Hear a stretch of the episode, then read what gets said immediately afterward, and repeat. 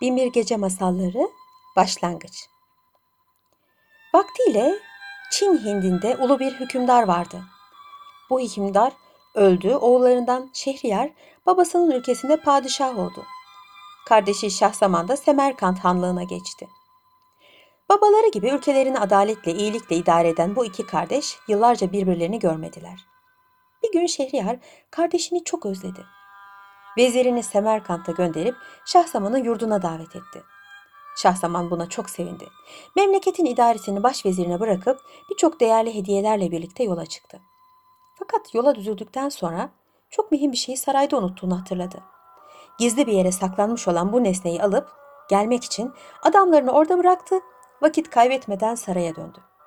Şahzaman Semerkant'a vardığı zaman akşam olmuş, ortalık iyice kararmıştı hükümdarın geri döndüğünü kimse fark etmedi. Saray muhafızları bile hiçbir şeyin farkına varmadılar. Padişah sarayın gizli bir kapısından harem dairesine geçti. Dost doğru yatak odasına girdi. Fakat orada karşılaştığı hal Şahzaman'ın aklını başından uçurdu. Sevgili karısı orada zenci kölelerinden biriyle sevişiyordu. Şahzaman yıldırımla vurulmuşa döndü. Kendi kendine ben saraydan ayrılır ayrılmaz bu ahlaksızlığı yapan karım kim bilir bundan sonra daha neler yapacaktı dedi. Hemen kılıcını çekip karısının da kölesinin de kafalarını oracıkta uçuruverdi. Sonra sanki hiçbir şey olmamış gibi unuttuğu şeyi alıp geldiği kapıdan çıktı, atını atlayıp yolda kendisini bekleyen adamlarının yanına döndü. Oradan yollarına devam ettiler. Az gittiler, uz gittiler, dere tepe düz gittiler. Nihayet Şehriyar'ın ülkesine ulaştılar. Kardeşinin geldiğini haber alan Şehriyar hemen şehrin donatılmasını emretti. Şahzamanı büyük bir törenle karşılayıp sarayına götürdü. Yıllarca birbirlerini görmeyen iki kardeş şimdi sonsuz bir sevinç ve saadet içinde bulunuyorlardı. Bütün dertlerini unutmuşlardı. Fakat biraz sonra Şahzaman'ın neşesi dağıldı. Karısının yaptığı fenalık hatırına gelmiş onu kara gamlara bürümüştü. Kardeşinin bu halini merak eden Şehriyar, Şahzaman, kardeşim bu neşesiz halin nedir? Yoksa burada rahatsız mı oldun diye sordu. Şahzaman içini çekti, kardeşini açılamadı. Hayır diye cevap verdi. Hiç rahatsız değilim. Yol yorgunluğundan, hava değişikliğinden sarsılmış olacağım. Yarın öbür gün geçer dedi. Ertesi gün Şehriyar kardeşini eğlendirmek için bir av eğlencesi tertipledi. Fakat bunu kardeşine haber verince Şahzaman ben rahatsızım. Ava gidecek halim yok diye özür diledi. Benim yerime adamlarımdan birkaçını al götür. Şehriyar kardeşini fazla zorlamadı. Şahzaman'ın adamlarından ileri gelen birkaçını alıp ava gitti. Sarayda herkes Şahzaman'ı da Şehriyar'la birlikte ava gitti biliyordu. Kendisine ayrılan dairede yalnız kalan Şahzaman can sıkıntısını gidermek için pencere önüne oturup etrafı seyretmeye başladı.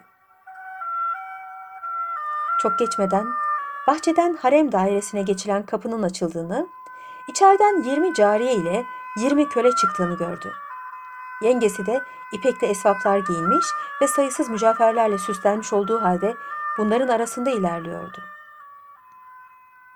Cariyeler bahçenin ortasında bulunan büyük havuzun yanına yaklaşınca soyunup suyun içine daldılar.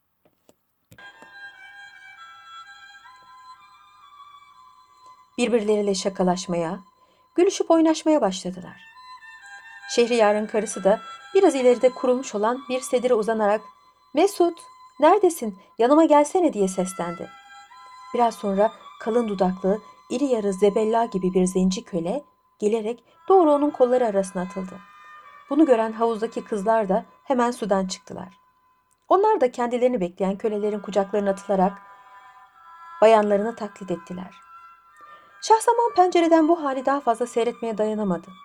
Derin bir soluk alarak abimin felaketi yanında benimki bir hiç kalır diye mırıldandı. Artık Şahzaman'ın bir iki saat evvelki üzgün halinden eser kalmamış, solgun yüzüne kan gelmişti. Eski neşesini bulmuştu. Akşamüstü avdan dönen abisi de bunu fark etti. Şahzaman dedi, bakıyorum bugün iyisin. Sıkıntın geçti galiba. Sonra kardeşinin gözlerinin içine bakarak, sana bir şey soracağım dedi. Allah aşkına benden saklama. Sen muhakkak bir şeye üzüldün. Sonra bu üzüntün geçti. Acaba canını sıkan neydi? Ne olur anlat bana. Şahsaman biraz duraladı. Olup bitenleri abisinden gizlemenin doğru olmayacağını düşündü. Sonra hem kendi başından geçenleri hem de o gün gördüğü şeyleri birer birer anlattı. Sonunda da biz seninle dert ortağıyız kardeşim. Ama senin başındaki felaket benimkinden daha yaman. Bu beni teselli etti dedi. Şehriyar bütün bunlara adeta inanamıyordu. Kardeşinin gözünün içine bakarak sordu. Allah aşkına doğru mu söylüyorsun? Bütün bunlar oldu mu? Şahsaman üzüntüyle başını salladı.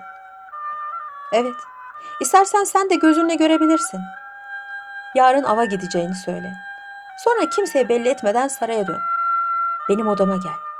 O zaman bu söylediklerimin ne dereceye kadar doğru olduğunu görürsün.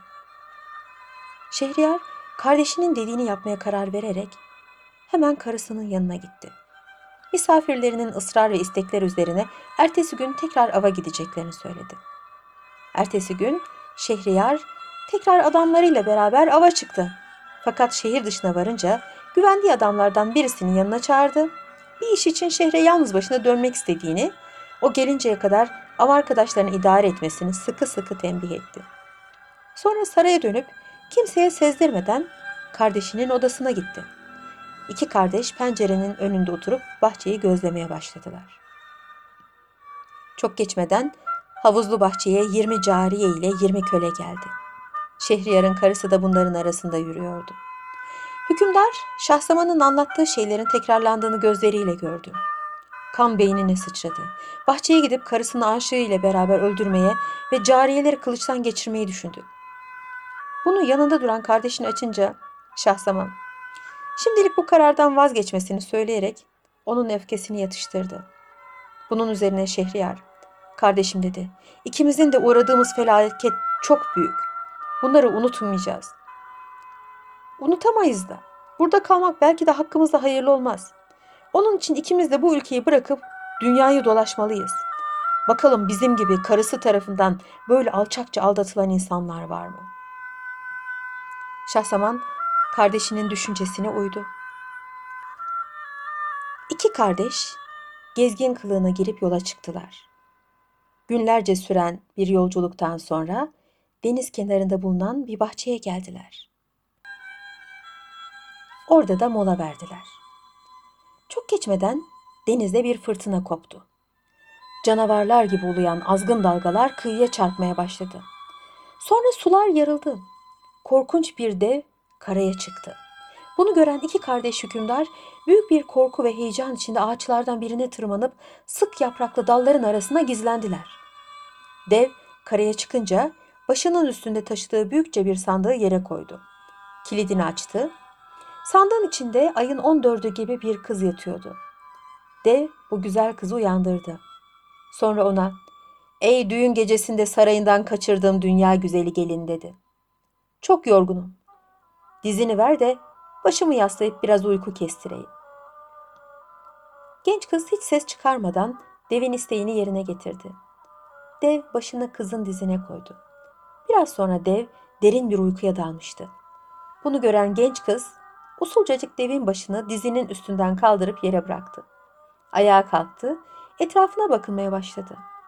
O sırada ağaçta bulunan hükümdarları gördü. Gülümseyerek onları yanına çağırdı. Fakat hükümdarlar işaretle devden korktuklarını anlattılar. Güzel kız tekrar ve ısrarla inmelerini söyledi. Üstelik korkmayın onun uykusu ağırdır. Eğer inmeyecek olursanız o zaman ben onu uyandırır ve sizi öldürtürüm dedi. Bunun üzerine iki kardeş ağaçtan indiler. Genç kız sanki onlarla 40 yıllık ahbapmış gibi hemen boyunlarına sarıldı. Onlarla cilveleşmeye başladı. Hükümdarlar çekingen davranınca böyle soğuk dururlarsa devi uyandıracağını söyleyerek onları korkuttu. Kardeş hükümdarlar bu güzel kızın isteğine karşı gelemediler. Onunla biraz oturup eğlendiler. Nihayet kız koynundan bir kese çıkardı. İçindeki 998 yüzüğü onlara göstererek "Şu yerde yatan dev yok mu?" dedi.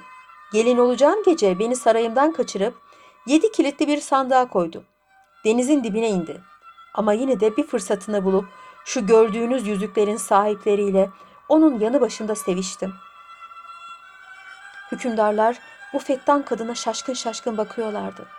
Kadın, şimdi siz de bana yüzüklerinizi verin bakayım dedi. Tam bin tane olsun.